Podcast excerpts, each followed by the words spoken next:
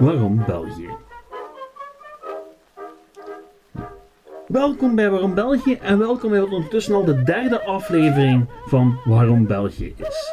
Vandaag kijken we nog eens vlug achter aan de Burgondiërs, alvorens het leven van de voornaamste afstammeling, een zekere keizer Karel, nader onder de loep te nemen. Welkom!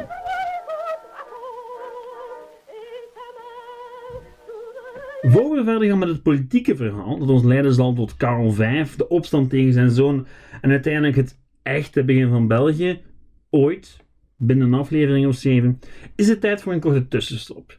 En ja, ik beloof plechtig, die revolutie, we gaan daar geraken, hoor. Zo rond aflevering 8 of, of, of 9, maar, maar zeker 10. Zeker 10. Goed, vandaag in elk geval niet. Vandaag kijken we nog eens terug naar die Bourgondiërs waar we het vorige week over hadden. En waarom die eigenlijk zo belangrijk zijn voor de Belgische geschiedenis. Ook al hebt u er in de klas vroeger niet bijster veel van gehoord. Nu, er is een voor de hand liggende reden waarom die mannen belangrijk waren. Ze verenigen het merendeel van wat nu België en Nederland is in een één rijk met één vorst. En niet een heleboel staatjes die met elkaar constant in oorlog waren. En hoe deden ze dat? Wel, door een combinatie van huwelijken, al dan niet toevallige sterfgevallen en een gezonde portie oorlogen. En alles dat samen maakte van die jambel van hertogdom en graafschappen één rijk. En de grenzen van de Burgondische Nederlanden komen min of meer overeen met de huidige grenzen van België en Nederland. Maar, natuurlijk is er maar, dat Burgondische Rijk was nog steeds slechts een persoonlijke unie. Een persoonlijke unie betekent dat het enige dat die verschillende gebieden echt bindt, de persoon van de vorst was. Die vorst was tegelijkertijd hertog van dit, graaf van dat en heer van nog iets. Philippe de Goede bijvoorbeeld was, hou je vast, Onder andere graaf van Charolais, hertog van Bourgondië, graaf van Artesië, graaf van Vlaanderen, heer van Mechelen als Philips II, markgraaf van Namen, hertog van Brabant en hertog van Nederlotharingen, hertog van Limburg. En ik stel voor dat ik hier voorlopig bij laat. Ik stel ook voor dat het punt wel gemaakt is, ook al zal ik nog niet eens aan de helft van de titels van onze vriend Philips de Goede. Al die verschillende gebieden echter ja, die hadden wel dezelfde vorst, maar ze werden apart bestuurd door hun eigen instellingen. Het enige dat ze gemeen hadden op politiek vlak, was dat ze belastingen betaalden aan dezelfde vorst. Maar elk staatje had zijn eigen wetten, zijn eigen afzonderlijke rechtbanken, enzovoort enzovoort. Je kan het een klein beetje vergelijken met de Europese Unie. Als dat er aan het hoofd geen commissie, maar een vorst. En een die geen schrik had om eens een legertje op weg te sturen als bepaalde lidstaten niet aan de regeltjes hield. Het is wat anders dan Hongarije op de vingers steken, niet? De echte eenmaking van het losjes verbonden gebied, ja, dat was een zaak voor later. Was ook redelijk moeilijk. De Burgondiërs probeerden het wel, en vooral Philips de Goede slaagde om enkele centrale instellingen te installeren. Die staatjes bleven echt wel hun eigen rechten angstvallig beschermen. Uh, het is ook geen toeval dat ze bij elke gelegenheid spontaan in opstand kwamen.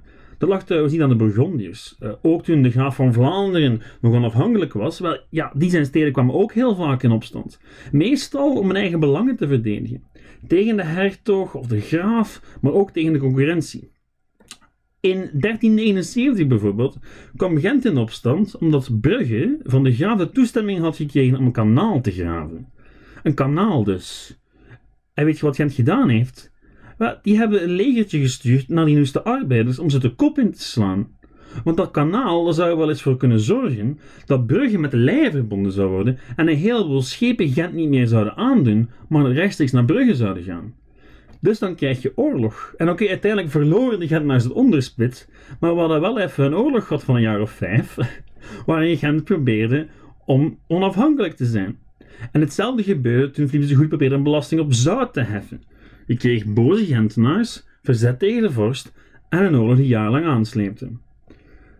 Dus ja, zo harmonieus waren die Burgondische Nederlanden nog niet. En als er geen opstandige steden bezig waren met elkaar de kop in te slaan, dan was de hertog echt wel de baas.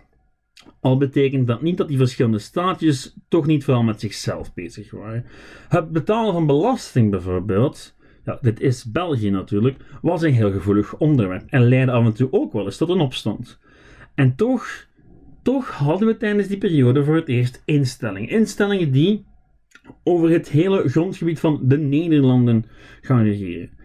Elke staat, hè, een staat, en dan denk je aan Vlaanderen, Brabant, Holland, dergelijke meer, beetje zoals de provincies, die hadden hun eigen provinciale raad. En daarin zaten de drie standen, de adel, de klerus en de geestelijke.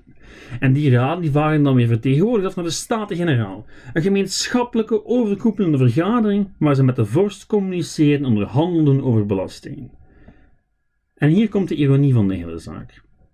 De bedoeling was dat die instelling, de Staten-Generaal, het makkelijker zou maken voor de vorst om de staten te controleren. De ironie is dat na een tijdje die staten gaan gebruiken om samen de macht van de vorst tegen te werken. Want ja, ze kunnen elkaar niet uitstaan. En als de ene een kanaal aanlegt, dan wil de ander wel zijn leger sturen. Maar als ze samen belastingen kunnen ontduiken, ha, dan kan men elkaar wel vinden. Bijvoorbeeld een, een andere Philips die zal dan een lijf ondervinden. Maar dat is vooral voor volgende week. Om een lang verhaal kort te maken, maakte de Vereniging van de Nederlanden onder één vorst ook een proces van politieke, culturele en economische toenadering mogelijk tussen al die verschillende deelstaatjes. Ze zitten nu eenmaal onder één koepel en langzaam maar zeker gaan die naar elkaar gaan toegroeien. Langzaam, heel langzaam. Want voorlopig waren die regionale identiteiten nog veel sterker dan de overkoepelende. Je was van Gent, je was van Brugge, je was van Kortrijk, je was van het hertogdom Brabant. Je was niet Burgondisch, laat staan Belgisch. Het is pas veel later, als men echt allemaal samen tegen de vorst gaat beginnen vechten, dat men zich een klein beetje als een volk gaat gaan beschouwen.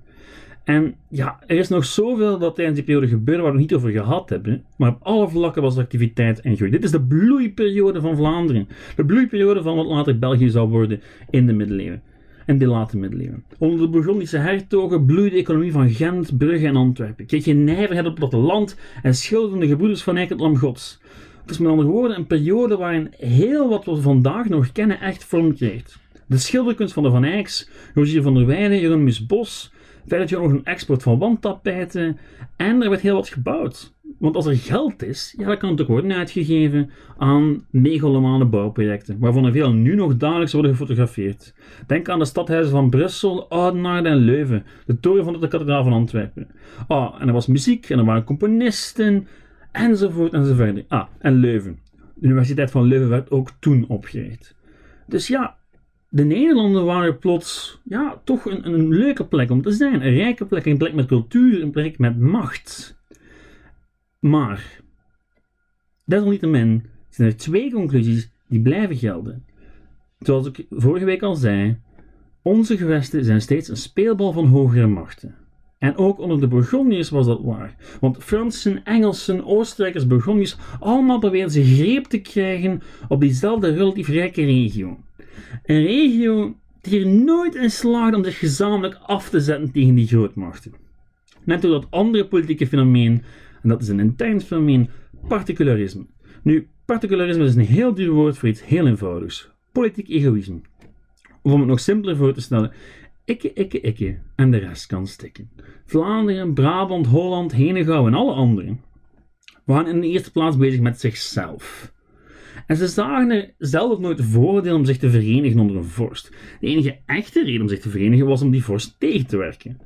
En eens dat gelukt was en de belastingen verminderd waren, ja, dan viel dat geheel al snel uit elkaar. Zelfs indien men als een blok optrad, ja, dan nog was men vaak niet opgewassen tegen de vorst. Dus die Nederlanden, ja, die waren eigenlijk een win geweest. Daar werd veel belasting gehoven, veel taxen op de handel gehoven, maar die hadden weinig zelf te zeggen. Ehm, en de mogendheden, de grote mogendheden, inclusief de Burgondische hertog, die was wel met Europese politiek bezig. En de lage landen waren vooral de sponsor van die oorlogen.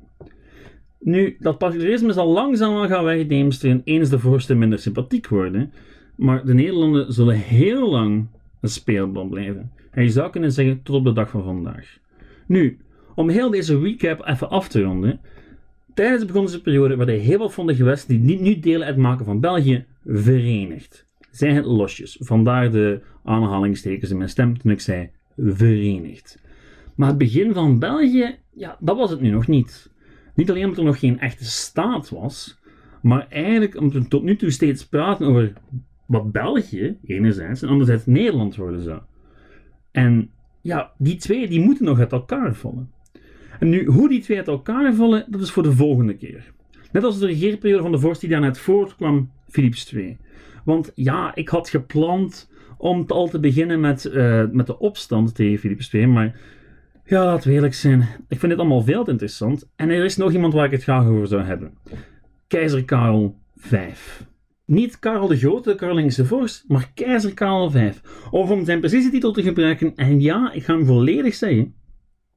Karel, bij de gratie gods, heilig Rooms keizer Semper Augustus, koning van Duitsland, koning van Italië, koning van heel Spanje, Castilië, Aragon, Leon, Navarra, Granada, Toledo, Valencia, Galicië, Mallorca, Sevilla, Córdoba, Murcia, Cayenne, Algarve, Algeciras, Gibraltar, de Canarische eilanden. Koning van de beide Siciliën, Sardinië, Corsica, koning van Jeruzalem, koning van de westelijke en oostelijke Indiën, heer van de eilanden en de Grote Oceaan, aartshertog van Oostenrijk, hertog van Burgondië, Brabant, Lotharingen, Stiermarken, Carinthië, Kruin, Limburg, Luxemburg, Gelderland, Neopatrië, Württemberg, landgraaf van de Elzas, prins van Zwaben, graaf van Vlaanderen, Habsburg, Tirol, Gorizia, Barcelona, Artesië, Franche-Comté, Henegouwen, Holland, Zeeland, Verret, Kieburg, Namen, Roussillon, Cerdagne, Drenthe, Drenthe, excuseer, Zutphen, markgraaf van het Heiligdomse Rijk, Burgau, Oristano en Gocciano, heer van Friesland, het Wendland, Pordenone, Biscaye, Moulins, Salins, Tripoli en Mechelen. Ja, dat was een hele mond vol. Nu, zoals u waarschijnlijk al vermoedde, is Karels amalgaam van titels het gevolg van heel wat dynastiek toeval en regeert onze vriend in theorie dus over een onmetelijk groot rijk. En toch begint Karel zijn leven gewoon als zoon van de toenmalige hertog. En wordt hij geboren in het toen reeds prachtige Gent in het jaar 1500. En zijn vader is de Burgondische hertog Philips de Schone en zijn moeder Johanna is de op dat moment nog niet waanzinnige. Johanna is de dochter van de twee belangrijkste Spaanse vorsten ooit eigenlijk, Isabella van Castilië en Ferdinand II van Aragon. Dat zijn op dat moment eigenlijk de twee grootste koninkrijken op het Iberische schiereiland. En die gaan trouwen. En hun erfgenaam zal dan ook de eerste vorst van een Verenigd Spanje worden. Nu, op het moment van Johannes huwelijk met Philips is zij slechts de vierde in lijn voor de troon. Philips zelf is de zoon van Maximilian van Oostenrijk. U weet wel, de keizer van het Heiligdomse Rijk, die na van Karel de Stoute met Maria van Burgondië trouwde. Dus Philips is de zoon van Maria van Burgondië, is de hertog van Burgondië. En nu, die Maria, ja, die viel in 1482 van haar paard. En dus werd haar zoon de eerste Habsburgse heerser van onze gewesten.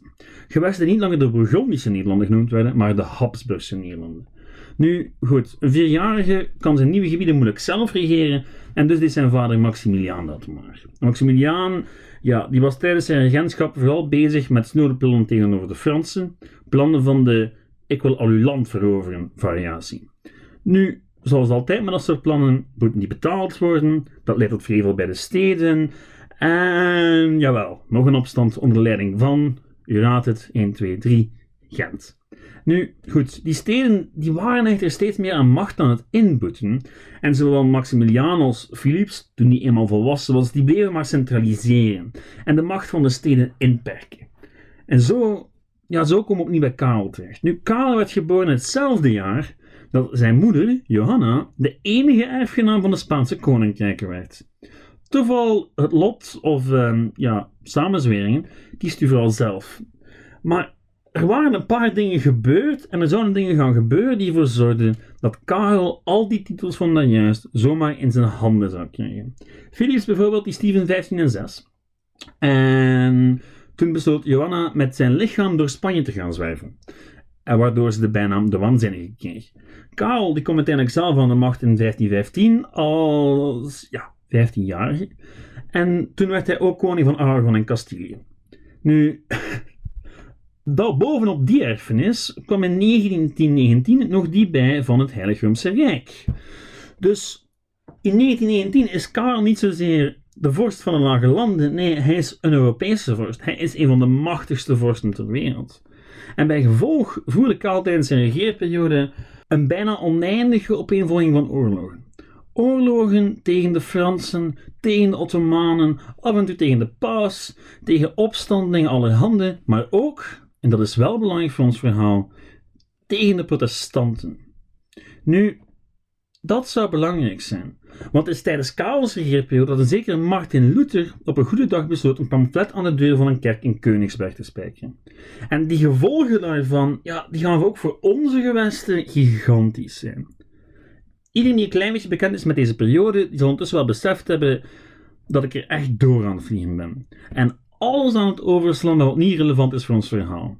En protestantisme is super relevant. Of gaat het in elk geval heel snel worden. Zeker in de aflevering volgende week. Karel, wel, die stelde zich vanaf het begin van zijn regeerperiode keihard op tegen protestantisme. In elk geval op papier. Op papier werden die protestanten gelijkgesteld met ketters. Ergo, de doodstraf. In realiteit viel het nog mee. In realiteit gaat in de schaduw van die maatregelen een protestantse gemeenschap zich vormen in de Nederlanden. En ja, goed, tegelijkertijd leiden Karels vele oorlogen tot vele belastingen. En ja, nu hoort hij mij al komen, want als er in deze aflevering een constant is, dan is het wat dat belastingen opstanden uitlokken. En vaker wat dan niet, opstanden van Gent. Ja, juist ja. Nog maar eens, maar, nu echt wel de laatste keer. Uh, in het kort had het zo: Karel wou geld voor huurlingen om in Italië te gaan vechten en Gent wou het hem niet geven. Klinkt bekend. Die gingen zelfs zo ver, de Gentenaars, dat ze het kalvel verscheurden. Opnieuw een beetje context. Weet u nog die prachtige Belforten die we hebben laten bouwen in de middeleeuwen? Wel, natuurlijk was dat in de eerste plaats een symbool van de eigen macht en de rijkdom. Maar die hadden ook een praktische functie, namelijk het bewaren van de privileges van de stad. De privileges waren documenten die zeiden welke rechten een stad had en welke ze niet had. In dat Belfort van Gent lag een document dat zei ja, dat Gent bepaalde rechten niet meer had, omdat ze net die ene keer te veel in opstand gekomen waren. In dat document, was het kalvel. En ja, op een bepaald moment was de bevolking die eeuwige vraag om geld voor huurlingen beu, gaat men zich verzamelen voor het Belfort en gaat het kalvel verscheurd worden en volgens de legende opgegeten. Wat is de vraag nu? Wat doet onze vriend Karel? Karel, geboren in Gent, wat gaat hij doen? Ja, uh, ja, die kwam naar Gent um, met een legertje Duitsers. En enkele dagen later waren de leiders van de opstand ofwel gevlucht ofwel opgesloten. Ja, het was snel gedaan. De Genters gaven de landvoogders de schuld van alles. Dat hielp weinig. En enkele dagen later volgden onthoofdingen. En enkele weken daarna werd een groep prominenten, schepen en dergelijke verplicht met een stroop rond de nek. Het teken dat de keizer een leven in handen had, door de stad rondgeparadeerd, in een nachthemd en op blote voeten. U wil weten hoe dat eruit zag? Wel, dat kan. Uh, ga maar eens kijken naar de jaarlijkse heropvoering tijdens de feesten. Meestal de eerste vrijdag van de tiendaagse feesten. Heel mooi om te zien. Nu, toen waarschijnlijk iets minder mooi om te zien.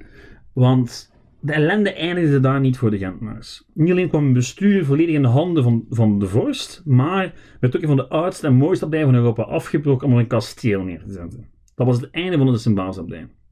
Goed, waarom ik het voordeel van Gent uitleg? Ten eerste omdat het een goed voorbeeld is van hoe aan het particularisme van de steden een einde gemaakt wordt. De macht van de steden die wordt eigenlijk ja, steeds meer ingebed. En dergelijke dwangburchten, kastelen met de kanonnen op de stad, die werden in heel wat steden gebouwd. Utrecht bijvoorbeeld, daar kreeg het kasteel de naam de Vredeborg. Maar dat was exact wat het was. Een borg voor de vrede. Oké, kleine excursies, mijn excuses. Terug naar Karel. Het laatste belangrijke wapenfeit van die kaal, dat belangrijk is voor ons verhaal, is wat bekend staat als de transactie van Augsburg. En ook nog de pragmatieke sanctie. Respectievelijk in 1548 en 1549. Je voelt al dat die Karel plots zijn pensioen in orde aanbrengen was, want hij was een beetje beu aan het worden. Goed, de transactie van Augsburg die maakte de Nederlanden onafhankelijk van het Romeinse Rijk. En de pragmatieke sanctie was nog belangrijker. Die legde vast dat wat er ook gebeurde, en betrekking tot de opvolging, de Nederlanden zullen niet meer uit elkaar vallen. Nee, de Nederlanden waren één en ondeelbaar en moesten onder één vorst blijven. Want tot nog toe was het altijd mogelijk geweest, in theorie, dat het hele gebied uit elkaar zou vallen in een heleboel kleine staatjes. Nu, nog een oorlog later, nog wat frustraties later, trad Karel V af in 1555 en hij liet het Roomse Rijk aan zijn broer Ferdinand na en stelde zijn zoon Philips, ja, dat is al uh, de vierde Philips in ons verhaal, aan als koning van Spanje en heerser over de Nederlanden. De Nederlanden. Allemaal samen dus? Voorlopig wel nog. Hoe er een einde komt aan het huwelijk van de Nederlanden, Dat is voor volgende week. Dan gaan we het uitgebreid hebben over de eerste scheiding naar Nederland. Bedankt voor het luisteren. Vergeet niet te liken op Facebook of waar je deze podcast ook vindt. En tot volgende week. Dankjewel. Dag.